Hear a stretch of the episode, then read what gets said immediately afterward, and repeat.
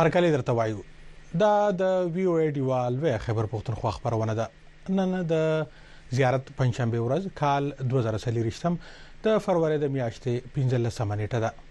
دا وخت په اسلام آباد کې د ماسخوتن اته په کابل کې اونیمه او دلته په واشنگټن ډي سي کې د ورځې 12 بجې شوې دي د دې خبرونه کوربه زیم نو شروان کلندر د وی او ای ډیوا د خبرونه دا وخت تاسو د ډیوا په ټي وي ویب پاڼه، فیسبوک او یوټیوب چینل نیغ په نیغه باندې ګورئ. پاکستان کې په اتمه فرورۍ ټاکنې وشوې خو په دې ټاکنو کې د ټګۍ ټوری تورونه پورې کړی شوی دی او په دې احتجاج هم روان دی ورسره ورسره حکومت سازي هم روانه ده نن به په لوی پښتونخوا کې په دې موضوع باس کو خو لومړی غوږ شي د خبرونه برخه کې اهم خبرونو سره ټکو ته پاکستان کې په ټاکنو کې د درغلو خلاف سیاسي ګوندونو لخوا د احتجاجونو لړۍ روانه ده تحریک انصاف د سبانه عوامي نشل ګوند او د عوامي نشل ګوند تحریک انصاف د سبانه او عوامي نشل ګوند د شلمې فروری نه د احتجاجونو شروع کولو اعلانونه کړی دي په بلوچستان کې لوړاندې نه احتجاجونه روان دي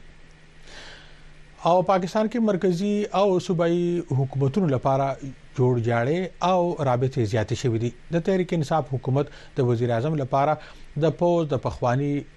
مشر جنرال ایوب خان المسی عمر ایوب نومولې مسلم لیګ نون سو ورځ وړاندې پخوانی وزیر اعظم شهباز شریف نوم اعلان کړی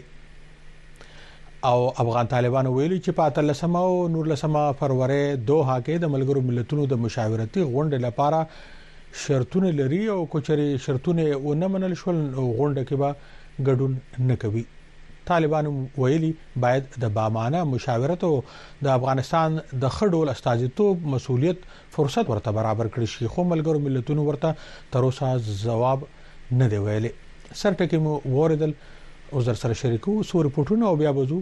د پروګرام په لوري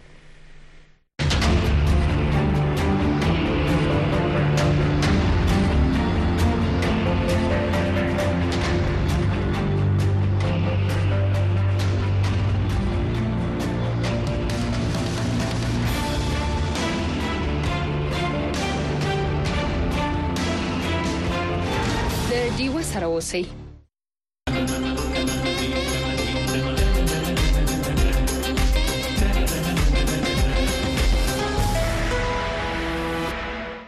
د وی او ډیوا لوی خبر پښتونخوا خبرونه روان دي او په دې خبرونه کې د خبري برخه ترڅنګ به په دویمه برخه کې نن په پا پاکستان کې د اتمې فرورۍ ټاکنې تر سره شوې دي خو د هغې وروسته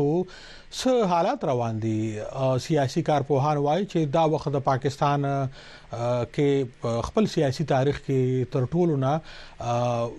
مختلف او عجیبه او نوې اړې غړې روان دي په دې باندې به د ملمنو سره خبرې اترې کوو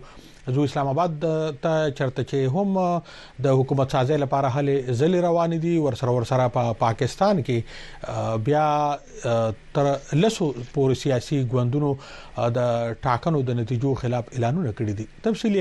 د ډیو خبريال الیاس خان نالو څوک چې دا وخت زموږ سره نخ پنی غبانه موجود دی الیاس خان په خیر اله ډیره مننه قلندر صاحب خوشاله اوسئ. ډیره مننه اول خو غواړو الیاس خان چې د مرکزی حکومت سازې لپاره اسلام آباد کې روانه هلې ځلې کم ځای ته ورسېده جی قلندر صاحب بالکل دا واخ اسلام آباد د ټولو سیاسي بلکې د نړیوالو طاقتونو هم یو مرکز جوړ شوی دی او ډیر د نږدې نه د هر څه ساري چې سر ډیولپمنٹ هره شپه وروز کې نوې نوې ډیولپمنټ پرمختګونه کیږي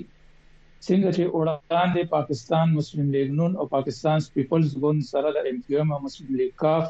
د وزارت عظما یا وزیر اعظم د پاره د شهباز شریف باندې سلا شوی دی دغه رنګ نن چې په دې ټاکنو کې تر ټولو زیاتې چوکۍ ګټلې دي آزاد امیدوارانو په توګه یعنی پاکستان تحریک انصاف د هغوی مشر عمران خان نن د هری پور نه د قومی اسمبلی غړی او د پی ټی آی جنرال سیکرټری عمر ایوب خان نوم د وزارت عظما لپاره ورکړی دی دا خبره د ګوند سینیر مشر بیرسټر ګوهر علی خان نن په اډیالا بندیخانه کې د عمران خان سره د ملاقات نه وروسته خبریالانو ته کړی ده. او د ګوهر علي خان دا وینا وه چې د عمر ایوب خان د وزیر اعظمۍ سره سره د پنجاب اعلی وزیر د پاره د میا اقبال می اسلم اقبال نوم وړاندې کړی دی عمران خان صاحب او دغه رنګ د بلوچستان اعلی وزارت د پاره زمون امیدوار به سالار خان وي او د غرنګ د خیبر پښتونخوا چې کوم سپیکر دی دای ظاهر ده چې وزیر اعلی وړاندې نه نومول شوی د مین ګنداپور سپیکر د پاره د اسد قیصر رور عاقب الله نوم عمران خان وړاندې کړی دی نو دغه رنګ دغه حالې ځلې روانې دي او د دغه هم داوا وا چې مونږه تقریبا یو سل اتیا چوکۍ په مرکز کې ګټلې دي او مونږه به صرف دوباره دوی دا تکرار کا چې آیا تاسو رابطې شوې دي د پیپلز ګوند سره یا د نورو سره دوی دا وایي چې مونږه مسلم لیګ نون یا مسلم پاکستان پیپلز ګوند سره بالکل نشو تلې پاور شیرینګ مونږ به د غټو ګوندونو سره نه غواړو او نه کوو او د دې په نسبت مونږه اپوزیشن بنچونو باندې بکینو خو دته دغه ویناوه چې کومه دغه اوټونو دوباره د دې شمیرې روان دي یا دغه قضیه روان دي الیکشن کمیشن کې یا ټریبیونلز کې نو د ده د هیله و چې مونږ به زیاتې چوکۍ ترلاسه کوو او عمر ایوب به وزیر اعظم جوړو الیاس خان خو دا هم راته وایي چې د تحریک انصاف په پلاوی توپ باندې ډیر غړي د قومي سملې لپاره هم منتخب شوی یا پاس شوی دی او ورسره په خیبر پښتونخوا کې هم د په دغه اسمبلو کې چې کوم دي د تحریک انصاف سره پلیټ فارم نشته یعنی پارټي په پا پارلیمنت کې نشته او داغي آزاد غړي لګیا دي یو ځای بل ځای جماعتونو پسې ګرځوي چې کنه په یو پارټي کې شامل کړي دغه سلسله چرته ورسېده آیا کوم پارټي ور سره رضا شوی کنه په هغه کې خو مختلف قسمه غوسې وي چې دغه رنګ په خیبر پښتونخوا کې دوی د پی ټی آی پارلیمنټرین سره تماس نیول دی خو دا غي هم نن دغه خبرونه رد کړل شو او دا غوي دغه ویناوه چې هیڅ رقم سره تماس په پی ټی آی سره پارلیمنټرین پر سټک سره نه دی نیول شوی دغه رنګ وړاندې چې جماعت اسلامي سره کوم خبره شوې دا غي نه جماعت اسلامي ولا پښاشو او دا غوي دا ویناوه چې هیڅ قسمه دوی سره مونږه دغه کې شریک نه یو پاور شیرنګ کې نو د خیبر پښتونخوا په حواله سره خو داسې څه قسمه خبر نشته دی البته اته کې بیا قانون پوهان دا وایي چې دوی په یوازې باندې هم حکومت جوړول شي ولې چې دوی سره اکثریت ته باید کدوی دغه چې کم ریزرو سیټ دي زنانه یا د اقلیتونو دغه دوی ته ملاو هم نه شي ول چې نورو ګوندونو ډېر کم سیټونه دي البته په مرکز کې بیا دوی ته وحدت المسلمین سره مجلس وحدت المسلمین سره د دوی دغه وینا ده چې په مرکز او پنجاب کې به مونږ بیا دوی سره په شریکه دغه حکومت جوړو چې دغه رنګ مونږ ته دغه ریزورس سیټ چې کوم دي دغه هم حاصل شي سیرا الیاس خان الیکشن کمیشن خو تر اوسه پورې باضابطه نتیجې بنی اعلان کړي سو اطلاع شته کنه دغه مرحله چرته ورسېده جی بالکل آی کې تر دې د الیکشن کمیشن دغه وینا ده چې مونږه ذمہواری دغه د آئینی چې مونږه به کراس مېری خلکو ته وړاندې کوو او دا غران کومګه کم دلته کې په بازي خلکو باندې لانجې دي یا مونږه د افیشل بجټ دا ان تر دې د اعلان کړی نه دي نو عین دوی ته تقریبا دوه هفته یا نسوار لس ورځې وخت ورکړي په دې کې دنه به یا دغه ورځې پورې به دوی دغه نتیجې اعلان کوي نو هغه کومګ وګورو نو هغه د وشتمه پورې دوی سره دغه وخت او تر دغه پورې د الیکشن کمیشن دغه وینا ده چې موږ به دغه سرکاري نتیجې ټول اعلان کړو ډیر مننه الیاس خان د تفصیل راکولو مننه ستاسو مننه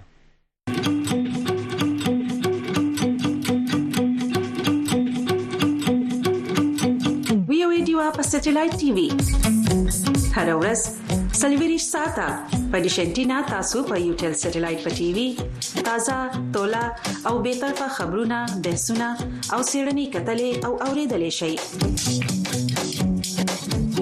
د یو ټل سټلایټ فریکوئنسي یا سبې او یا بي او یا اشاریه 15 ایست چینل یو سلدري هر ورځ سلوي ساته لډي وسره اوسئ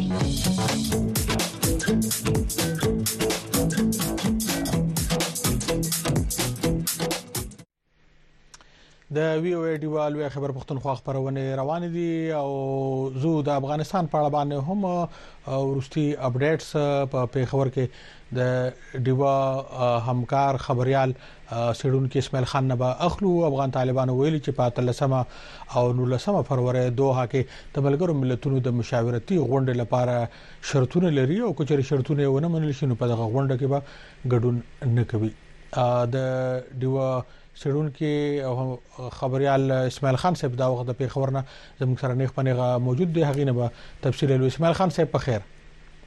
السلام علیکم وعلیکم سلام اسماعیل خان صاحب اول خو غواړو چې د دوه غونډې چې کوم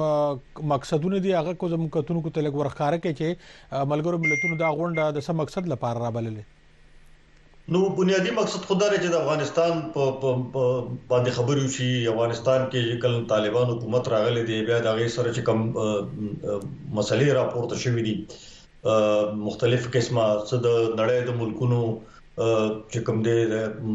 د غي خپل غوښتنې دي څه د افغانستان خپل داخلي مشکلات دي مالی مشکلات دي اقتصادي مشکلات دي نو په دې ټولو باندې د خبرو ترو د پاره ملل متحد دا غونډه را بللې ده په دوه کې سمره اسماعیل خان صاحب طالبان خو ویل چې غونډه تبه نه ورځي څه شرطونه یې خېدي یو دا خبره ده چې تر اوسه پورې خو څه معلومیږي نه چې دې شرایط مخ ته څه خو دي یو دوه دو خبرې ضرور کوي طالبانو غداري چې نم یو خبردار چې د ملل متحد چې کوم خصوصي استاد دغه ته مغي ته خپل شرایط مخ ته کړی دي خو دا نه دی ویل چې شرایط څه دي بل متقی صاحب په خپل خبرو کې دا خبره هم کړې ده چې دی غواړي چې خبره ترې چې سم کیږي هغه دی معنی خیز دی وی مینینګفل خبره دی کیږي زما خپل خیال دغه دی چې دی افغانستان طالبان غواړي چې د ملل متحد چې کوم دا پلیټ فارم دی دغه دغه کې دا د دې مقصد د پاره استعمال نه شي چې په طالبانو یا طالبانو په حکومت یا د افغانستان په دغه باندې چې کم دینو بې ځایه د دغې په نظر کې چې کم بې ځایه تنقید د صرف داغه د پاره استعمال شي نو او دوی مدار چې طالبانو نمائندګي د حقیقت باندې نو زه فکر کوم چې دا اوس چې کوم د خبرې ترې کیږي چې مختلفو ان جی اوز یا مختلف داسې ګروپونه ډلې چې د طالبانو خلاف دي هغه خپل یو اعلامیه پر کړی دا نو طالبان به ډېر خوشاله نه وي ډېر کمفټیبل بني چې په دوه په دې کانفرنس کې صرف د دې لپاره په دې موضوع باندې شي چې پاګه کې طالبان کورنر کیږي یا طالبان او حکومت باندې نیوکه کیږي نو هغه ته طالبان غالبا تیار نه دي چې په داسې غونډه کې کینی زه به اخرنه پښتنه دا چې دا خبرونه چې په دې اکلم زموږ کتون کې خبر کې چې چین په رسمي توګه باندې د طالبانو سفیر چې کم دی هغه منل دي ک چین داغي سفیر منی او خو امریکا یا غربي نړۍ یا نور نور نړۍ تر اوسه پورې د طالبانو نسوک سفیر پر رسمیت پیژندل دي نه حکومت مني دا کداغه ځکه دا سلسله شروع کیږي چې هر نړۍ غربي نړۍ نه مني او چین یا کو سبا چرته روسیا ایران مني دا سيزونه په دغه خطه کې په دغه ټوله منطقه کې سم مستقبل جوړوي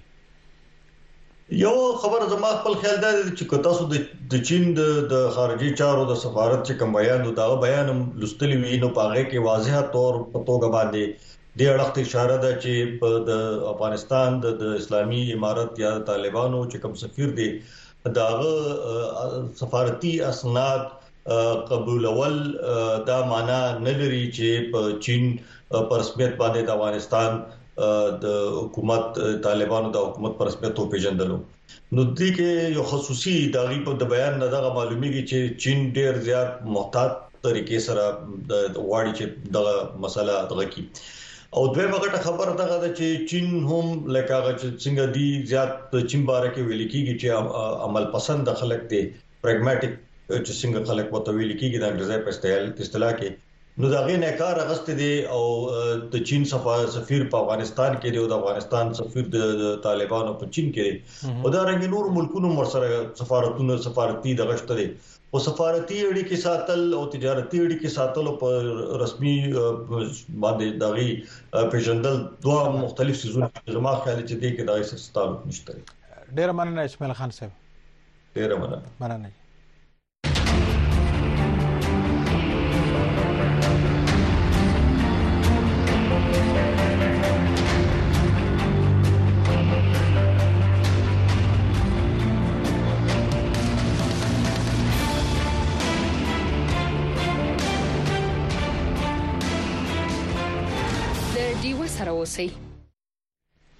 د ډیو سره اوس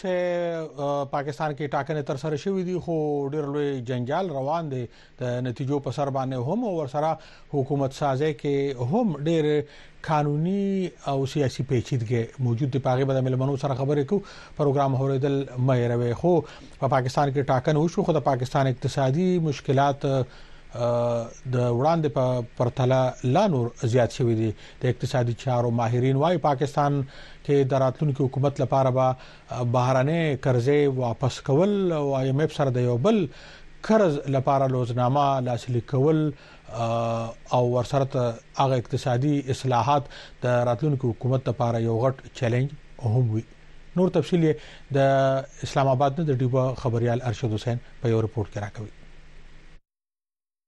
د نړیوالې درجه بندې ایجنسۍ موډیز د پاکستان په اړه خپل تازه رپورټ کې ویلي په مجموعي توګه سږکال اپریل میاشت کې د ایم ایف سره د موجوده قرض پروګرام میاد سر ته د رسیدو وروسته د نړیوالې ادارې سره د یو بل قرض پروګرام لپاره په سملاسي توګه د مذاکراتو پیلولو د پاکستان توان په اړه غیر یقیني صورتحال ډیر زیات دی. په رپوټ کې ویلي شوي د پاکستان د حکومت د لیکویډیډټي او د بهرنۍ کمزورۍ خطرې به تر هغې نورې زیاتې وي تر څو چې یو د ادبار وړ اوږد فاینانسینګ پلان یا مالي تګلاره نه وي واضح کړې شوې پاکستان کې د کال دوه زره څلوېښتم د انتخاباتو وروسته د حکومت جوړولو لپاره هڅې په داسې حال کې روانې دي چې هیواد د دوه کلن سیاسي عدم استحکام او د خراب اقتصادي صورتحال سره مخ دی. د اقتصادي چارو ماهرین وایي، داسې ښکاري چې د مسلم لیګ نون ګوند په مشرۍ کې یو کمزوری اتحادي حکومت جوړېږي چې د هغوی په اند کومه واضحه اقتصادي تګلاره نه لري. نو بیا به دوی به دوباره آی ایم ایف ته ځي او ځکه چې دوی ته به اوس چې کوم پیمنټس راځي ایکسټرنل بهر ملکونو ته ډالر ډالر پیمنټس واپس کوي او سود واپس کوي یا قرض واپس کوي نو دا به ورته نور مو دی دی وجه نه به آی ایم ایف نه دوی بل یو پروګرام ډیر ښکار داسې چې بیا به ورته ځي نو که څو پویو چې شهباز شریف راشي او هغه به پاکستان اقتصادي مسایل الله واسي دا بالکل غلط ده تیر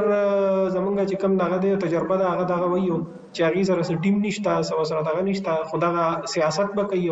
او مونږ ورته هغه پاپولست پالټکس وایو چی دغه چی ارزان اوړه ورکوم او ارزان دغه ورکوم او دا شیونه نو هغی باندی به زیات ډیپنډنټ یو نور هغی سره نه څه ټیم شته دی نه ورسره حکمت عملی شته دی. د رپوټونو تر مخه په پاکستان کې د ټولې ابادۍ څلوېښت فیصدي خلک د غربت د کرښې لاندې ژوند کوي. د ګرانۍ کچه دېرش فیصدي ته رسېدلې ده او تېره میاشت ترسره شوې یو نظر پوښتنه کې نږدې اویا فیصدي پاکستانیانو ویلي چې مالي حالت یې په خرابېدو دی. کارپوهان راتلونکي حکومت ته په سي پیک کار تېزول، د دوستو هېوادونو څخه سرمایه کاري راوړل، د نړیوال مالیاتي ادارو اعتماد بحالول او د IMF سره په اسانو شرطونو یو بل قرض پروګرام لاسلیک کول او د ګرانۍ راکمول لوی مشکلات بولي. پھر ایف بی آر میں ریفارمز کرنے کی ضرورت ہے اگلا بجټ. په ایف بی آر کې د اصلاحاتو کولو ضرورت دي او بیا د راروان کلیز بجټ لپاره به یولس سوه اربه روپو مالیه را ټولول وي په دا وخت ممکن کیدی شي چې اصلاحات راوستل شي او ټیکسونه سوا کړی شي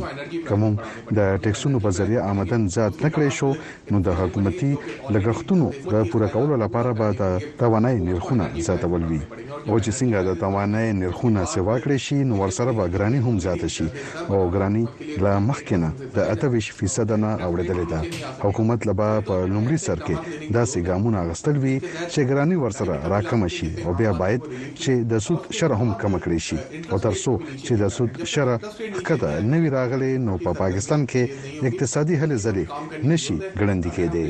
پاکستان دا وخت د بهرنیو قرضو د بېرته ستنولو د مسلې سره هم مخامخ دی او د پاکستان د سټېټ بانک تر مخه د روان کال تر جون میاشتې پورې به اسلام اباد ته څلېرویشت بلیونه ډالره قرضې بېرته واپس کول وي. د اقتصادي چارو ماهرین وايي یو داسې سخت وخت کې چې پاکستان ته د ځپلي اقتصاد د بحالۍ ضرورت دی، هېواد نور سیاسي عدم استحکام نه شي برداشت کولی. ارشد حسین، وایس اف امریکا، ډیوه، اسلام اباد.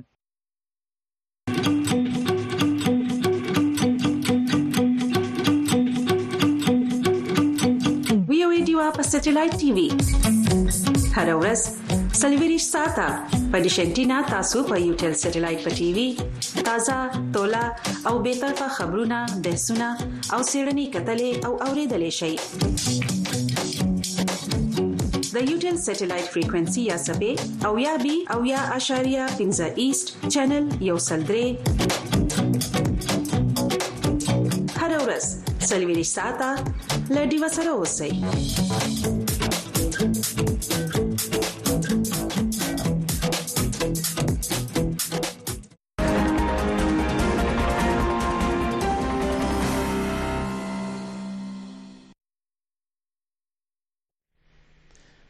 یو ځل د تبيار کلی وایو په لوی خبره پښتونخوا خبرونه کې نن مونږه په پاکستان کې د ټاکنو ورسته په مرکزو صوبو کې د حکومت سازي او په ټاکنو کې د درغلو خلاف روانو احتجاجونو خبره اترې کوو د امریکې د بهرنیو چارو وزارت ویاند ویلي پاکستان کې حکومت سازي د دغه هیواد داخلي معامله ده خو وايي باید په انتخاباتو کې د درغلو او بدنظمۍ په اړه د لګیدلو تورونو د پلټنو لپاره مناسب ګامونه پورته کړی شي او هله څرګند کړی دی چې په دغه لړ کې به سم ګام پورته کړل شي پاکستان کې تر اوسه الیکشن کمیشن حتمي نتیجې نه دي جاري کړې او د حتمي نتیجو نه وړاندې پاکستان کې د تحریک انصاف په شمول عوامي نشل ګوند، پښتونخوا ملي عوامي ګوند، بلوچ ملتپال ګوندونو، جمعیت علما اسلام او جماعت اسلامي په شمول باندې تر لسو پورې سیاسي ګوندونو په ټاکنو کې د درغلو خلاف د احتجاجونو پیلولو اعلان کړی دی. پاکستان کې نوی مرکزی حکومت جوړولو په وړاندې مسلم لیګ نون او پیپلز ګوند او په خیبر پښتونخوا کې په ممکنه توګه د پی ټی آی جوړیدونکو حکومتونو ته دا وخت کوم قسمه چیلنجونه موجود دي په دې ټولو په پروګرام کې بلمنو سره خبرې اترې کوو لومړی ملمنه ملما را سره ملګری شوی دی د پیښور نه خبريال او سیاسي سیړونکو مشتاق یوسفزی صاحب ډیره مننه کو د وخت راکولو مشتاق صاحب تاسو تار کلی وایو په خیر اله ډیره مهرباني مننه مشتاق صاحب په پاکستان کې حکومت سازه روان دي په مرکز کې هم ور سره په نور صوبو کې هم او بیا په خاصه توګه خیبر پښتونخوا کې هم ک یو مجموعي خپل معلوماتي نظر پر سره شریک کړي چې دغه حکومت سازه دا وخت د کم عمل نتیریږي ډېر مهرباني روان صاحب نو دا زمونږ چې کوم صوبه د خبر پښتونخوا دلته کې خو ما په خپل باندې په تاریخ کې په اول ځل باندې دومره زیات سټونه چاته نه ملاو شوی سمره چې تحریک انصاف ته ملاو شوی دي او څه پورې تقریبا داغي وکم سل سټونه دي او د دې صوبایي سملې ټول غړي چې دي نو یو سل دی لستی نو دا ما په خل باندې یو ډېر زیات تاریخي دوی اچیومنټ دی او دوی چې کوم سټونه سټ کړی دا مخکې نه شوی هغه ته په سملې کې به هیڅ قسم رکاوټ نه شي کوم به پوزیشن وي یا مخالف ګوندونه وي نو ډېر کمزوري وي نو زما په خیال باندې دا هدا پورې خود ته کې د مشکل نشته واغې خپل حکومت جوړ کړي خو مرکز کې صورتحال بالکل بدل دی او مرکز کې چونکه هم قومي سملې کې تحریک انصاف په ټول ملک کې ټول زیات چوکې حاصل کړې دي سپنې اغستې دي خو حالت کې مسلم لیگ نواز چې دین او غیب حکومت جوړي او سفر چې کوم دای خبرې ترې شوې دي متحده قوم مومنټ سره پیپل پارټي سره او نور واړول چې ګوندونه دي دغه سره خبرې شوې نو د سرکاري چې مسلم لیگ نواز به په پنجاب کې او په مرکز کې حکومت جوړ کی او پیپل پارټي وایي چې موږ به د حکومت ایسه خو نیو په موږ هغه سره تعاون کوو نو دا غي ما په خل باندې داسې اطلاعات دي چې انډرستانډینګ شوی دی چې کوم دلته کې اهم چوکۍ ځکه سېنات چیرمن دی به په پارټي وي دا شانت کې صدر چې کوم عہده د نواب په پارټي ته ملاويږي او دا شانت کې په سند کې خو په پارټي ته د بل پارټي ضرورت نشته دا د حکومت جوړيږي بلوچستان کې به هم خپل پارټي او د جمعیت علماء اسلام حکومت جوړیږي اول ځل باندې دا ښکار لري چې مولانا صاحب چې دی مولانا فضل الرحمن صاحب چې کوم د جمعیت علماء اسلام مشر دی خپل خان سټه غبل دی هغه وایي چې زه به د حکومت حصہ نه جوړېږم نو مش مشکل به دا راځي چې پاکستان تحریک انصاف مسلم لیگ نواز تاسو پته ده یو بل مخالف دي او زموږ صوبه د ډیرو زیاتو مشکلاتو سره مخ ده نو اوس په دا کېږي چې د مرکز او د صوبې په تعلقات څنګه وي نو د باندې ټول خلکو نظر دی چې کله یې مینه ګنډاپور چې د عمران خان د صوبه خبر پښتونخوا د پر د وزیر اعلی په منصب د ناغیر په ټاکلې دي او تاسو په تر چې خو د اګریس او د عمران خان د نږدې ملګری دي نو دا دا په خپل مننه یو غټ امتحان دی چې هغه د صوبې په داسې وخت کې ځله جوړیږي چې امن د عزت کیسونه دي او هغه د نه هم مې چې کوم واقعیت دی پای کې ماغه باندې الزامات دي اپ کوربن ریټ شو اوس ماغه باندې اف آی آر شته ډیرو مقدمو او بیا داسې وخت کې هغه صوبې مشري وکړي چې صوبې ته به د وسایلو ډېر غټ ضرورت وي یعنی په صوبه کې پیسې هم نشته بالکل مشتاق یوسف زی صاحب تاسو دوه خبر وکړه په دغه باندې بوم پښتنه به کوم یو خو د صوبې د مالی پوزیشن صورتحال سره او بل خبر دا چې د تحریک انصاف حکومت کو په صوبه کې جوړی کې هم هو او ورسره د وزیر اعلی په شمول باندې ممکنه د کابینه اهم غړي یا د اسمبلی غړي چې هغه د نهمې مې او په واقعاتو کې یا نور ترهګرې په کیسونو کې چې کوم دی د پاکستان حکومت ته کوم دی مطلوب دی بیا په هغه باندې سکیږي بهر حال په هغه خننم داسې سر پورټونو چې د های کورټ نه ریلیف اغستې تاسو نو پښتنه کو چې څه قسم ریلیف اغستې خو زه یو پښتنه چې کوم کوم ادا چې په صوبه کې حکومت جوړیږي خو د تحریک انصاف سره یو پلیټ فارم د پارټي په حیثیت کې په صوبه کې نشته او نور سره په مرکز کې شته په دې مرکز او صوبو کې اوس پورې چا غي ته پارټي ورکړه او کنه چې او راځي دا پارټي دا تاسو ورته خپل غاړي راولې ته خپل خوخي حکومت جوړ کې بالکل دا خبره ده چې په دې باندې دا الیکشن نه پس خبرې روانې دي او تاسو ته پته ده چې یو ګوند ته چې کله غي قائد ایوان منتخب کی لکه زمونږ اوس په صوبه ده په دې کې تحریک انصاف خپل وزلا جوړی چې پېټر جوړی نو هغه ته یو پټه ضرورت نشته یعنی ځکه چې دا غي لپاره شرط ده دی هر کس چې هغه دغه صوبایي اسمبلی ممبر وینو هغه فکرم جوړ دي شي هغه چې منسټرم جوړ دي شي عام منسټرم جوړ دي شي د کابینه غړي جوړ دي شي خو چونکه دوی ته خطر نشته چې رګنې داسې به دوی څو کسان وړي یا ګنې غټه پوزیشن براشي او دوی ته خطر جوړ شي دوی ته د یو ګوند ضرورت دی او هغه د لپاره دی چې دوی وایي چې موږ ته چې کوم ریزرو سیټ په ملاويږي نو چې هم ته ملاو شي هم لاس لاند شي جماعت اسلامي سره دوی خبرې روانې کړې وي او دا غي شو کې درې غړي په ایوان کې هغه درې غړي هغه بیل تحریک انصاف باندې ریکاونټینګ وشو اوس خدای غي لارې بند شوې اوس نن ما تقریبا تاسو پروګرام نه مخکې د پرس خټک چې کوم پاکستان تحریک انصاف پارلیمنټریان ګروپ ته دا غي ترجمان دی منصور دورانی نو هغه ماته وی چې تحریک انصاف هغه سره خبرې روانې کړې دي سوره جوړ شوې ورې پټې روانې دي او دا سه امکان شته چې ګنې تحریک انصاف په صوبایي سملې کې د پرس خټک چې کوم تحریک انصاف ته نو هغه شامل شي دا یو انټرېسټ خبره ده دا هر څه کیږي او دا غي چې دوه غړي دي په صوبایي سملې کې نو تاسو کې خلوان سره چې روانو نو دا سرکار چې دا د یو سکرپټ مطابق رواني تاسو وګورئ دلته کې عتیب خان او شارم خجون دا یو ډېر مهم کسانو د پارټي صوبې او دا سه امکان وشي غني دا ځل به عتیب خان د صوبې وزیلاوي نو هغه ډېر کوشش وکړي چې ماته صوبایي سملې سره ملاوي شي خو هغه ته ملاو نشو نو هغه او شارام ته ورکړ د کمیس حمله سټونه هغه خو مینګان جوړ شو هغه حسبینو وتل بیا غټ چانس د تیمور جګړه او کامران خان او کامران منګش شه دي نو داسې په جواب طریقې سره هغه ډول پیل کړی شو چې هغه خو مشتاق صاحب یو عام چې کوم تاثر عمران خان ورکړی یا پی ټی آی والے چې عمران خان خو په خپل خبرو کې ډېر سخت وی او پرویز خټک خو د عمران خان خلاف ډېر سخت خبرې کړې دي چې کله هغه پارټي پرې خو ده د دې ورستو تاسو غنئ چې واقعي دا څه به وشي کنه په سیاست کې هر څه ممکن وي چې کنه د هغه د پارټي پلیټ فارم به تحریک انصاف استعمال کړي یزي پاکستان کې خودلته کې خو چا سټانډرډ نشته اصول خو به نشته او خاص کر په سیاسي خلکو کې غوي څه په اصول نشته د دوی سټانډرډ نشته په دغه اخلاقیات نشته دا ټول خو د خپل مطلب د پارلمان دی وی د خپل کرسي لپاره دی هر حد پر ورزيږي مو خدا په خپل جون کې وکړل کنه دوی هر حد پر ورزي اوس تاسو خبر ته کړل پر خټک او د عمران خان نو دا تاسو ما مو کو تحریک انصاف دوه مشران نه کوم نه تر عمران خان تحریک انصاف ته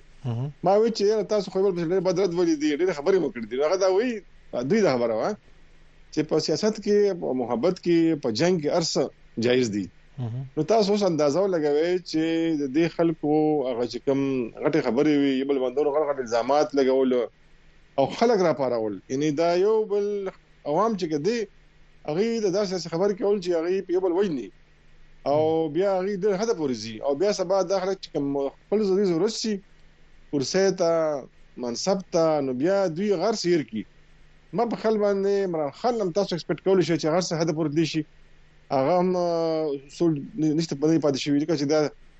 د پرویز الهي غټ کیس تاسو مخامخ ته هغه ته د پنجاب غټ ډاکو دی ام کیو ام بارکه دا غټ خطرناک ریمار سو دا شان ته کې شیر رشید بارکه دا غټ غټ خطرناک ریمار سو سمر چې دا سیاسي مخالفانو بیا بعد کې دا ملګری شو دا غي بارکه دا غټ خطرناک کمنټ سو خو بیا دغه ملګری شو دغه سفر هغه سره روان شو ما په خپل باندې داس خارج الامکان خبره نه جګن دی بل سره کې بني ملاو بشي او دیو ګون به څه البته دی باندې اوس په خبره روان دي څه خاص اګریمنت یا معاهده نه شوی مولانا فضل الرحمن صاحب سره خوم رپورټونه دادي چې را رابطه شوې ده او اوس د د یوسو شیبو کې کې دي چې ورغلي یا پی ټی آی خلک چې کم دي ور روان دي تاسو د جمعیت علماء اسلام د مشرانو سره خبرې شوې دي یا سره رپورټونه شته یو بل سره د دې پیچ اپ کې دي چې کنه بالکل کې دي شي تاسو کتري پرون مولانا صاحب چې کوم پریس کانفرنس نو آی کې ایم دا خبره کړو چې موږ د غي د د وجود سره دښمن نشته دا غي دماغ سره د مشمول د مطلب چې دا غي چې کوم نظریه ده یا دا غي چې کوم هغه سټانس ته کرټیسایز کی او اباندې ډایرکټ راځي اباندې ترکید کینو هغه مطلب هم دغه نه چونکه په تیر شو وختونو کې دوه غوندونو په باندې خطرناک الزامات لګولې دي هغه غي مذهبي الزامات په بل لګولې دي او هغه نه پرته دومره لاندې راغلي دي فورکس کې چې ما په خل باندې دومره ما چرې نه دي کتلې چې چا مس کې بدون اختلافات وي څومره چې د تحریک انصاف او د جمعیت علماء اسلام اختلافات دي خو دا سیاسي ګوندونه دا چې مشران دي نو دوی د ورکرز خیال نه ساتي چې ګنده ورکر بس کی اخو بالکل دا صحیح ده که هغه وخت ضرورت شي چې کله الیکشن وي کله د ورکر ووټ ته ضرورت وي بیا یې اته په اته پرځي خو بیا چې کله ووټ واغستې شو د سمنه تراشي بیا ټول خبر یې شي بیا مقصد چې دینو کرسي ده نو د تحریک انصاف او د مولانا صاحب خبرې مخکې شوې دي تاسو یاد شي او بل پسې مزونه کړیو بیا خبرې روانې شو خو آیا وخت کې مولانا صاحب چې کې اسټابلیشمنت ته لک اشاره ورکوله چې تاسو مال لا نه کوي ما سره تحریک انصاف شته نه باندې بیا ته ډیر زیات ګین شو هغه بیا ډیر سونه چې کړیو اوس خدا سره کار دی چې مولانا صاحب سره دغه د پیم لیکس نشته چې آی مې نه جوړ شوی وي بغیر دغه نه نو مولانا سه به چې سو پوزر کیږي د بل سړی پوزر کیږي چې دغه سره د پټه کس پیدا دغه د خاندان کس نه دی پاکستان کې دا مصیبت دی چې هر سیاسي مشر وي چې زه په خپل وي یا مې زوی وي یا زما د خاندان کس وي بل کس څوک چې دینو دا منصب ته نه راول نو ځکه مولانا صاحب چې دینو خلک دا وایي چې کې دې شي ته سخت نه یو تاسو په نظر باندې نه لري چې هغه چیو کې هغه ته ملو شي نو ځکه چې کوم دی نو هغه دا ټیم کې مخالفت کې روان دي سمره دا واقعي دا ټول په ممکناتو کې موجود دي او د حکومت سازه او د حکومت جوړولو د سیاست د ازړه چې کوم دی دا کله سخت شي او کله نرم هم شي تاسو په خپل خبرو کې بهر حال دغه کتونکو ته واضح کړ خو څه موډ ښکاری هغه پاکستان کې بداوي چې اسټابلیشمنت موډ څخه ښکاری پی ټی آی خو خلک دا وایي چې کنه د پرویز خټک طرف ته بلاړ شي یا مولانا فضل الرحمن طرف ته بلاړ شي دومره خامخه خلکو ځین ته خو دا پښتنه راځي چې دی د خپل هغه مخالفینو چې په غیبان یې سخت ورونم لګولې دي دا غي لخوا په هم په دی باندې سخت ورونه لګولې شي ویری هغه طرف ته خوځي خو اسټابلیشمنت چې کوم دی هغه داغي سره رول دا وخت کې په ظاهر باندې سخت کاری نو اسټابلیشمنت خو اوس ته پدره چیرې مخ ته ناراضي او نو هغه خپل کمپلینز وی منسوبي وی چې سره شیر کړي او تاسو وګورئ چې پر ځکټک سره سلو بوشوله محمود خان سره سلو بوشوله او بیا دا کې ان پی سره کوم لوبو شو ځکه چې دا ځنې خلک دا سونو چې د دې باره کې ډېر کنفرم ریپورتس دی بغټي لښنه یا کې ایمل ولی خانو پای کې فاروز خټکو محمود خانو مولانا پدرامانو نو میر مقام او میر مقام خیر بیا سترګې باندې ځانو بس خپل لغنه شانګلې نه نو ډېر غټ اپسټ شوی دی لیډران ته په خبر کې غلام ملورو د واره کې ډېر کنفرم ریپورت دی په پاس کیږي هغه سره ډېر عجیب غونډه کار وشو نو ما تاسو ته وی چې اسټابلیشمنت چې دینو چا سره خپل منسوبې شیر کوي نه خو دا ښکاری چې ما په خیال باندې تحریک انصاف کې چې س د اسټابلیشمنت په کوم خلک تنو به مخ درازي او ځکه چې ټکټ ټکټونه تقسیمېدل نو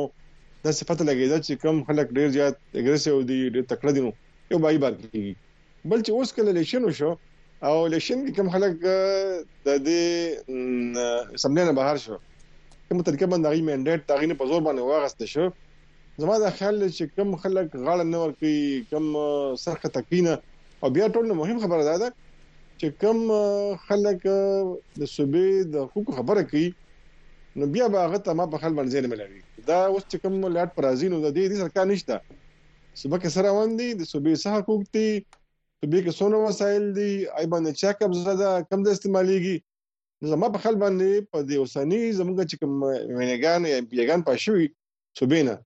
زما یقین نه دی چې هغه د دې سره سروکاري یا په دې کې د هغه سره انټرست وي بس د هغه په دا یو ډېر غټه خبره ده چې هغه مینګان جوړ شو پیګان جوړ شو نو ټول نه خطرناک خبره ده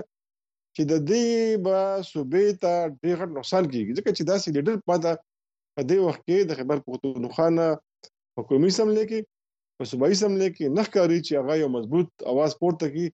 د صوبې د حقوقو لپاره د صوبې د خلکو د حقوقو لپاره سیرا مشتاق صاحب د احتجاجونو اعلان هم شوی دی په پا پاکستان کې تحریک انصاف هم اعلان کړی دی یو حکومت سازي هم کوي بلخوا نور پارټي هم ځان سره یو ځای کولو کوشش کوي خو ورسره په صوبه کې څنګه تاسو په تر ان پی اعلان کړی د شلمه فروری نه سبانه تحریک انصاف هم کړی مولانا صاحب هم په احتجاج باندې د دې احتجاجونو او مستقبل سی ویني آیا د احتجاجونو په ذریعہ باندې تحریک انصاف د جی یو آی یا د ان پی یا د نورو ګوندونو سره په مستقبل کې یو ځای ویني نو اصل کې هر یو ګوند د خپل ځان لپاره احتجاج کوي اې کې د عوامو یا د ملک سمپاد نشته لکه تاسو ورې په خور چې دینو څلور ورځې موټرې بنده و خلکو د غټ تکلیف وو اوس چې دینو دوه ورځې شوې په خور خار باندې ان په خور خان چې تاسو زین نشي وته تاسو د ناراضه نشي راتلې تاسو بډې په بج بازار باندې ناراضه او هغه تاسو سره مرضی چې ته معلومه دي خر سړی وي نو تاسو به څلور پنځه ګنټې په دې ښار کې ګرځئ راګرځئ لارې بند دي وجه یې دا ده چې تحریک انصاف وایي چې دلته کومې اته حلقې دي نو په هغې باندې د هغې چې کوم کاندیدانو د هغې نه الیکشن په زور اخته شوی دی او چې کوم کس په پنځم نمبر باندې او شپږم نمبر باندې ونه هغې ووټ یې هغه اچولی دی او دا شانته کې عوامي نېشنل ګوند هم دا وایي چې هغې سره ټګې ټولې شوې دي د هغې چې کوم منډیټ نو هغه هغې ته نه دی ملاو شوی ځکه چې ما ته یاد شي ما ډېر رپورټونه کتل چې پای کې حیدر خان چې و حیدر اوتی نو هغه ډېر کنفرم و چې دی به هم هغه ټی د کومي سملې سیټر دا شانتي عمل ولي سیټم نه کنفرم وو محمود خان سواد چې کومو د تحریک انصاف پارلیمنټري هغه ډېر کنفرم سیټو نو دا هند مولانا صاحب دا و چې موږ سره هم زیاتې شوې دي دا چې کوم سیاسي ګوندونه په دې وخت کې جاج یې اعلان کړی دی یا جاج کوي نو هغه د خپل ځان لپاره کوي دا غي د عوامو سره کار نشته نو مستقبل کې خپل دوی وکیږي چې د دوی جنډه یې وایي اوس ما په خل باندې چې دا اول ځل شو چې د الیکشن نه فورن پس دا مظاهره شروع شو احتجاجونه شروع شو د الیکشن کمیشن چې کوم رولو اډر مخ ته راغی دا شان ته کې سیاسي چې کوم سرکاري خلکو په دې سیکشن کې دا هی ډلټي رول پکې ګندرول پکې مخ ته راغی زما نه دی خیال چې دا کوم آغاز شو پاکستان کې انتخابات ورته چې خیال دا و چې کې دي چې انتخابات شي حکومت راشي او اکانومي خشي قیمتونو کې پرک راشي روزګار شو شروع شي خلکو ته نو زما نه خیال چې پای کې به کامیابی مو خلکو ومي او ماته نه ښکاري چې د اسمبلی په خپل وخت تاهند پوری پوره سم مشتاق صاحب یو بل یو دلچسپ اړه هم د تاسو خو په هر څه باندې نظر دی او هغه دا چې را په خیبر پښتونخوا اسمبلی کې وی او کنه په مرکز کې هم پی ټی آی چې کم دی هغه ډیر سټونه اغست دي او خدا د خزو مخصوص نشستونه یا د اقلیتونو چې کم نشستونه دي د دې بس کیږي مطلب دا چې اول خو د دې پته لانه لګی چې پی ټی آی ته کم یو پارټي چې کم دی هغه ورته رضا کیږي چې او راځي زموږ د پلیټ فارم استعمال کړي او دغه پته هم نه لګي او کنه هغه داسې یو پارټي ته لاړ مشي لکه څنګه چې اوسه پورې نوم د وحدت المسلمین یادېږي مثال هغه ته لاړ شي نو وحدت المسلمین خو بیا د خزو لیستونه به جمع کړي یا بني مې چې کداغه اړه هم لګ د خپل کتونکو ته زموږ کتونکو ته واضح کړي نو تحریک انصاف چې هر غون سره شاملېږي نو قانوني اډل خدای دې چې هغه غون چې کم کې دوی شاملېږي د په کمیس عملې کې د بسوبای کې دي نو چې هغه ګوند په صوبایي سملې کې یا په قومي سملې کې غړي وي دا غیل تک نمائندګي وي بیا د نه علاوه چې د غوند الیکشن کمیشن سره مخکې درخواست جمع کړی وي د ریزلټ سویچ لپاره نو بیا به هغه ته پیدا وي نو بیا پرس کا په مرکز کې شاملېږي او هغه بیا په صوبه کې شاملېږي دوی ته بیا خپل ریزلټ سویچ ملاويږي که د ماینورټیز دي که هغه د زنانو دي انټرېسټینګ خبر دا چې کله الیکشن نه مخکې دوی خبرې کولې نو دوی په وخت کې د مولانا شیرانی صاحب ګروپ چې کوم دی جمعیت علماء اسلام شیرانی ګروپ دا غي سره خبرې کولې چې دا غي سره مونږ الای سو نو تحریک انصاف چې کوم خلک د دې مذاکراتو لپاره منتخب کړو نو غي وی چې نه دا خو مذهبي ګوند دی د سره خبر نشي کېدی نو بیا یو بل غړي وته وی چې نه ستاسو چې ویډیو زموږ ایجنډا خو دغه وه ریاست مدینه وه او اوس چې دی نو موږ که دا خلک خبر شي میډیا خبر شوه چې یاره موږ په دې وجه باندې د یو مذهبي ګوند سره سیاسي اتحاد نشو کولای الیکشن لپاره چې هغه مذهبي ګوند دی نو دا به موږ بیا ډېر غټ خراب شو دا قسمت دا هو چې په وخت کې بیا خبره مخ ته راغله بل هغه دونه ډېر شنو روانو چې هغه ته پکې زه مليونه شو تاسو وګورئ چې په ظاهر باندې خو دوی دا وایي چې زمونږ مقصد چې دین یو فلاحي ریاست دی او د مدني ریاست دی او بیا چې کله خبره رااله د الایس لپاره نو یو مذهبي ګوند سره الایس په دې نه کو چې بیا به انټرنیشنل کمیونټي یا ویسټرن مغربي دنیا په باندې تنقید کوي چې دوی خو مذهبيان شو د مذهبي سیاسي ګوند سره سیاسي الایس کړو نو ما په خپل پاکستان کې اوس خو چې تحریک انصاف ته مجبورې دغه دي چې مرکز کې موږ ته ضرورت دی د ریزلټ سیټس خبر په تور خوا کې هغه ته ملاو نیم شي نو سره فرق نه بریو ځکه چې هغه دوه مضبوط دي چې هغه ته د چا ضرورت نشته خو دا یو غټ یره هغه سره شته چې که پرس که سبا څوک دا غینه خپل ممبر بوزي یو بل ګوند کې شاملېږي نو چې کوم ډیسکوالیفیکیشن کلاس دی یعنی هغه کس چې هغه پارټي پری دی بلې پارټۍ ته لاړ شي نو ابا نااهل ډیکلیئر کیږي دا کلاس به بیا په باندې لګي ځکه دوی چې په پټه کې شامل شي مشتاق صاحب ک یو پټه کې مثال دی شامل نشي په هغه صورت کې په خیبر پښتونخوا کې یا په قومي سملې کې بیا د پی ټی آی مستقبل سي نو خیبر پښتونخوا کې تاسو ما دا وی چې دلته یو دا چې تحریک انصاف چې مشر د عمران خان داغه د پاپولرټي یا د هغوی د مشهورتیا هغه ګراف چې دی نو هغه دونه بره روان دی چې هغه اوس چې دی نو اډو په چا باندې توت خرابوي نه بل چې کم چا نه خطر وه په صوبه کې چې یاره دوی به یو مخالف یا فارورډ بلاک جوړ کړي نو هغه د مخکې نه وتی دي عاطف خان شارام خان تیمور کامران بنګش محمود جان جانداد خان دا کسان دي چې ډېر مضبوط کسانو نو هغه فارورډ بلاک امکان هم نشته بل خبر دا ده چې که پرس که خلکو ته پته ده که یو کس ورانی جوړي په حکومت کې یا پټه ده نو عمران خان دغه نوم واغست نو به دغه ځای نشته زه مشتاق چې زبر خپل پښتنه یو بل شان دغه کې کوم واده چیرې د اسمبلی چې کوم غړي د دې منتخب شوی را خدا وخت په آزاد حیثیت کې دي که الیکشن کمیشن نوټیفیکیشن جاری کی نو په آزاد حیثیت کې خواغه اسمبلی کې د خپل چوکه سوګند پورته کول شي که دا ټول آزاد غړي هلته لاړ شي دې سره یو پارټي رضا نشي بیا سبا اعلی وزیر منتخب کیږي زه په هغه صورت کې وین چې بیا تاسو ته سم مستقبل ښکاري دنه په اسمبلی کې هغه باندې داسې قانوني کدغه نشته دوی تلی شي ټول خپل حلب جدول شي دغه په اسمبلی کې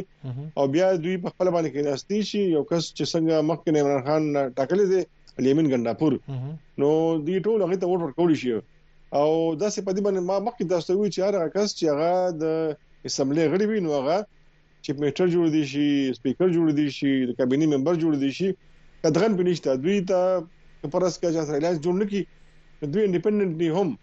په ځاتو کې باندې هم الیکشن د صوبایي سملې کې دي نو هله بغستې شي او خپل قاعده ایوان منتخب کول شي صحیح را په دې باندې قانوني پیچیدګي وای سو جوړیږي کنه لکه علي امین ګنداپور سے په آزاد حیثیت کې اعلی وزارت الیکشن ته ودرې دي شي بالکل ما مخکې څنګه وی چې هرغه کس ودرې دي شي چې هغه د صوبایي سملې یا د قومي سملې غړي وي هغه منتخب شوی وي نو هغه چې دینو وزیر هم جوړې دي شي سپیکر هم جوړې دي شي ډیپټي سپیکر کیبنټ ممبر دا ټول یو دی چې دینو هغه د لپاره کوالیفاید دی هغه هغه چوکۍ چې دینو حاصل کول شي او دا چې د خلاف کوم کوم کیسونه دي یا د پی ټ آی د نورو غړو په ضد باندې په دغه تناظر کې تاسو بیا د غړو مستقبل سوي نه نو تاسو ګورئ چې پاکستان کې خو ارس ممکن دي خلک باندې غټ غټ کې دونه خېږي بیا چې دینو هغه هوريز وي پاسانه باندې برشي او دا چې څونه خلک اوس ممبران جوړ شوی دي مینګان ایم پیګان نو په زیاتره باندې کیسونه وو تاسو ګورئ چې خلک محرورانو په خپل باندې دا چې ملي امین ګندا پرو دي محرورو چارم خان ترکه چې دي محرورو دا خان تکي دي تفخان محرورو خلکو له کمپاین چلو نن هغه په پرونه پیدا شو ته خان او شهرام پرونه لر اسلام آباد کې غالبا دا شانته کې د بر کیسونه خو د ټولو د عدالتونو زمارتونه غستې دي نو ما په خپل باندې مشکل بوته نه دي چې کله تاسو لیشن کوي او تاسو ته کوټ چې دین عدالت جاز درکې تاسو ته ټول مخ کولو شوې یو پر چې سړی لیشنو کې لیشن د پر هغه قرار شو هغه ایم پی ایش مینیشن بیا خو دغه درس شروع شو کول بیا خو مخکې دي شي سمه مشتاق صاحب خبر به راغونډو موږ سکو چې رکوټ نه را سره هم زم خبريال ملګری شي دا غزه په حالاتو مو اپډیټ کی ځکه چې الته صورتحال چې کم دی هغه ډیر پیچیده پدې چې سيو 50 چوکيري او تقریبا 14 د قومي سملې او یو 50 د صوبایي سملې او تقریبا تراتیو فیصد زیات چې کم دی الته په حلقو کې د خلکو احتجاجونه روان دي نو دالته یو ډیره پیچیده مسله په بلوچستان کې هم جوړه ده خو په صوبه کې کسه هم پی ټی آی په یو شکل یا په بل شکل کې حکومت جوړ کې خو د صوبې مالی حالات څنګه ریدا به سمره لوی چیلنج وي ځکه چې په مرکز کې بالته مسلم لیگ نون وي او دلته په پی ټی آی نو ما څنګه مخکې وی چې مشکلات خوري زیات دي او مشکلات یو دا دي چې زموږ مصیبه سره وسایل نشته او بل خبر دا چې کوم زمونږ د بیلې په مت کې پیسې دي مرکز سره نوم راکې نه چې کوم دا غي د خو خریټ تر پاره نه راکې او دا اوس نه چې کله عمران خان دلته کې وزیر اعظم او دلته کې تحریک انصاف حکومت په وخت کې نه راکولې بیا دوی دلته کې بوته جرګه او هغه جرګي وی چې پلانې کس په خبر کې د عمران خان په خواني ملګری دی دوی خدا مخ خبر نشو کولای نو بیا هغه عمران خان په دونه خپه شو چې هغه کس دغه چې کوم پورتفولی و وزارت هغه بدل کړ او ډېر خراب کړی و نو دا زیاتې خو وخت نه روان دا خو چې کله ما په خپل باندې یو ځل چې کله زداري صاحب په صدر ولته کې په مرکز کې د پیپل پارټي او د عوامي نشنل ګوند کواليشن ګورنمنټ په صوبه کې نو زيات پيسې په صوبه کې په اول ځل باندې هغه وخت راغلي دغه نه پس چا پيسې ورکړي نه دي دا شان زمونږ چې کوم منته کې د نپسي په مت کې زموږ پیسې دي فند دی هغه هم ته نه ملاويږي نو دا خو به اوس ډیپند کوي په الیمن ګنداپور باندې د ای پارټي باندې څنګه خپل کیس پلیټ کوي هغه بل خبر دا ده چې تحریک انصاف خو صوبه سویپ کړه په پولیټیک ګراف ډیر برو زما ذاتي خیال دا دی چې دا به هم د تحریک انصاف د پاره اخري اپشن دی ټول عمر په پاپولرټي باندې په بیانیو باندې الیکشن نشي ګټلې د صوبې مسالې ډېر زیات دي دی به د خلکو مسالې حل کوي روزګار به پیدا کوي قیمتونه به کموي امن او امان به کوي ځکه چې دا ټول مر په دې کیسو بیانو باندې کار نه کیږي بل تاسو کتل پښتانه خو سړی سره تخیجی او چې کله پښتانه پوه شي چې دا اوس پراډ دی دوکه ده د غپ لګي نو بیا هم په ډبل سپیډ سره لاندې راغورځي په کار دي تحریک انصاف په دې خبره باندې پوي وي سره ډیر مننه تاسو مشتاق زړه صاحب تاسو مخه کافي وخت واغستو او ډیر هر اړخ مو د صوبې د سیاست او د الیکشن نو ورستو چې کوم منظرنامه جوړیږي په غیبانه مو خبر کړ ډیر مننه تاسو مهرباني ډېر مننه مننه مننه ګران کتونکو زموږ سره د بلوچستان شهزاده ذوالفقار ملګری شوی غوښته خو موږ چې هغه د وخت ملګری شي ځکه چې بلوچستان صوبې حالات هم اړې غړې ډېر زیات روان دي هغه زموږ سره ملګری شوی شهزاده ذوالفقار صاحب تاسو تار کلی وي په خیر علي مهرباني جی ډیره مهرباني مننه شهزاد ذوالفقار صاحب سینیئر خبريال په بلوچستان کې او سیډونکو هم دی وخت په موږ سره راځي یو ځل بیا مننه او شاهزاد ذوالفقار صاحب بلوچستان کې خو چې څنګه په اتمه فروری باندې ټاکنې وشوې دا غي سم د ستورستو د احتجاجونو یو لړۍ شروع شوې ده سوینه دغه احتجاجونو د لړۍ په مستقبل سو ورځو کې په هفتو کې د درېدو سه امکان شته وکنه ډیره مهرباني زما خیال که دا الیکشن وګورئ که په ګرده ملک کې هم دغسې دا صورتحال دی په بلوچستان کې دا صورتحال دی چې چا ګټلې دي هغه هم ژاړي چا چې بیللې دي هغه هم ژاړي څوک چې فایده کوي هغه هم ژاړي او دا یو عجب دغه دی که بلوچستان دغه وګورئ لوی پارټي چې دی دا ټایم پیپلز پارټي دی هغه مې ته د احتجاج کوي چې زما سیټیان سیټان کم راغلي دی چې نون لیګ دی هغه وایي د ما سره زیاتی سوی دی او که جی وای دی هغه په احتجاج دی هغه درسنه حکومت جوړی نه حکومت په دا دغه پروسس کې شامل دی بلکې ویلې دي چې اپوزیشن کې کښې او پاتې سوله نور پارټیان قوم پرست پارټیان په هغو خو ګر سره مرور دي چې دا زموږ سره ډیر زیاتوب سوي دي ډیر زیات دغه دي او بیا اول هم الیکشن دی چې په هغه کې دای فیسز را روان دي چې څوک پیژني نه مثلا علي حسن زهري دی که هغه د زرداري صاحب ډیر د نزدې یو دغه دی او دا غوي وای بزنس پارټنر دی هغه په ګرد عمر چې دی په سند کې تیر کړی دی او سراغلی دی ډیر وخت سره چې دی آباد سوی دی په دغه کراچي سره چې متصل ایریا دی هغه حب ډیسټریکټ دی په هب کې چې دی هغه راغلی دی هغه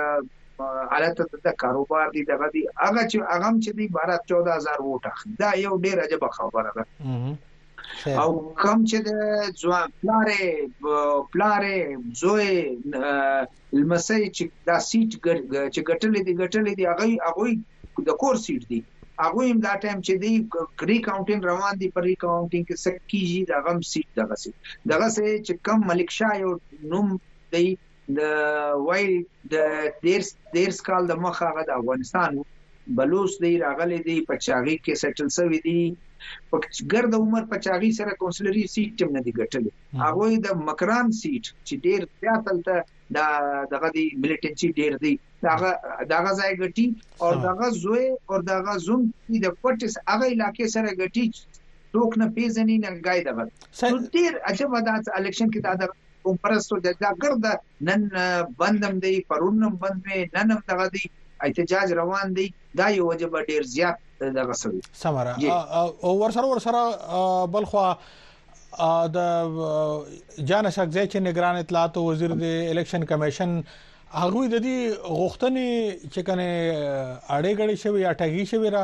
هغه دا رد کړی دي خو بهر حال زبا پښتنه تراشم چې د حکومت سازه د پاره خوبم سرابطي رواني دا وخت چا ترمنځ رابطي دي او سو د حکومت سازه مستقبل سوي نه ګوره دا ګرد ډیپندي لوی دا انحصار لري وفاق حکومت پورې چې په وفاق کې پیپلز پارټي او دغه نون لیګ چې دی نون لیګ مخته دی عددي اعتبار سره هغه ډیر زیات مخته دی هغه به ګورنمنت جوړي حکومت جوړي پیپلز پارټي مشروط حمایت کوي هغه دا وایي چې موږ په د کابینه حصہ نه جوړیږو موږ صدارت دپاره مستبرا کوي زرداري صاحب دا ملک چې دی زرداري صاحب ډیر ضرورت دی نو دده مطلب دا دی صدارت مشترا کوي بل عیني او دی چې دی که سېنات چیرمن دی که سېنات ډیپټي چیرمن دی که قومي اسمبلی چیرمن دغه سپیکر دی او که ډپټي سپيکر دې دا موج دغه خو عيني او دې ګورنر شاید په صوبو کې څه ګورنر دغه دغه یي دغه دغه انحصار چې دی دلته دی کالته ډیر زیات برخه ډیر زیات شیر واخصله پیپلز پارټي نو دلته پیپلز پارټي حکومت جوړي عددي ادوار سره پیپلز پارټي مخته دی بیا کم رویه چې دی پیپلز پارټي الته دغه سره یې شه دی د نون سره نو نور هم دلته کوشش کوي چې د پیپلز پارټي سره هغه رویه کوي نن جام کمال صاحب سابق دغه چیف منسٹر دی او شکاري چې پارلماني لیډر وي هغه نن پریس کانفرنس وکړي صوبایي صدر چې دی جعفر خان مندوخیل هغه پریس کانفرنس دوی مشترکه پریس کانفرنس وکړل په هغه کې دغه اعلان کړل چې حکومت سازي د پاره موږ خپل کوشش شروع کوو ګرد شپږ انډیپندنټس دي هغه کې 15 سره موږ دغه سوي دي او هغه موږ ته جواب راکړي یو مشترکه ویډیو هم راغلي دی چې دا شپږ انډیپندنټس دي دا ویل چې په یو پارټي کې زو بل پارټي کې نه زو موږ یو پارټي کې زو او دا ښکاری که سیستم زموږ که سیستم دا دغه کوشش وکړي نو نون لیګ هغه جوړي یا که سیستم کوشش وکړي چې پیپلز پارټي هغه نو د پیپلز پارټي حکومت جوړيږي نو خپل کوشش وکړاله امکان دا لري چې جی وای لکه چې فیصله وکړاله مولانا فضل الرحمن صاحب پرون ډیر زیات ناراض وو ډیر زیات ناراض بالکل نو هغه پارټي ته وایي چې ته اپوزیشن کې کښینان دوی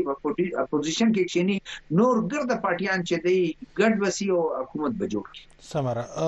دا خیبر پښتونخوا او بلوچستان کې شاهزاده ذوالفقار صاحب تاسو سینیئر خبريال دا زیات اړې غړې دار د دوه صوبو کې لیدل کیږي پنجاب او سند کې دومره اړې غړې وینې کنه ګوره په پنجاب او سند زما خیال بالکل به دا دی چې کم کمفورټیبل پوزیشن کې دغه رالی نون او پیپلز پارټي نو دوی به یو بل بل سره چې دی مرسته ضرور کوي پنجاب چې دی دا کو ګوره کار ورځ چې دی دا آزاد ارکان هم شاملې شي پارټیان کاف لیګ دی هغه تعاون کوي ک زیاولک ګروپ دی هغه یو سره دی هغه تعاون کوي نور کوشنی پارټیان تعاون کوي نو زما خیال ډیر ډیر زر ګورنمنت به نون لیګ جوړ کی او پیپلز پارټي میجارټي کې دی هغه د چا ضرورت هم نستا غم کوشش کوي چې نور پارټیان سره چې دی دغه کې نن د دې د پیپلز پارټي او دغه شز چې دی یو سینیئر رهنما دی شازیه مری هغه پریس کانفرنس وکړه جی ډی ای چې دی مخالفین دی ایم کیو ایم دی او نور دغه سره هغه ډیر زیات څه خبرې کړې دي نو زما خیال دا دی تل د خپل حکومت جوړي پنجاب کې نو لیک خپل حکومت جوړي پی ټی آی ټی آی چې دی ډیر واضح باندې ک لوی خبره ده چې په دوی کې دا ښکاری چې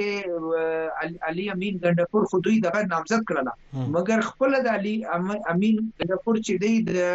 د نن سره د پارټۍ د نن سره د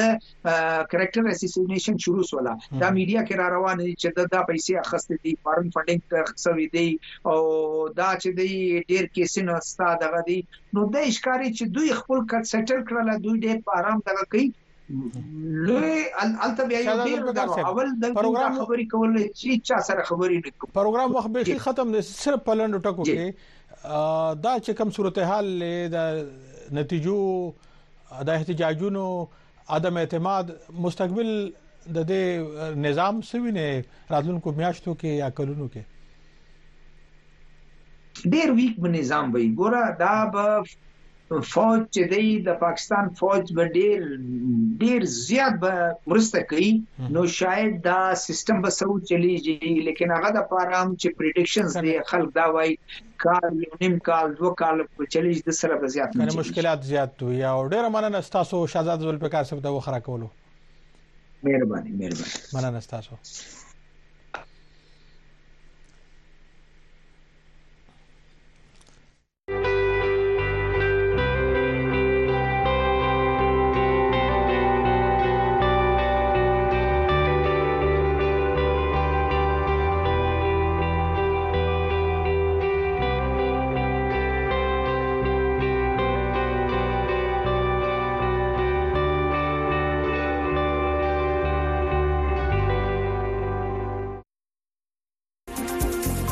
په دې بحث کې چې تاسو کومې خبرې وره دي دا د ملمنو خپل نظر وو دا د وایس اف امریکا یا د امریکا د حکومت نظر نه وو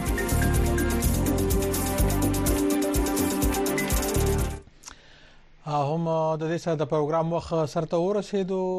او زه نو شروان کلندر درنه د خپل پروډوسر عابد حسین او د انجنیرانو د ټیم سره اخلم اجازه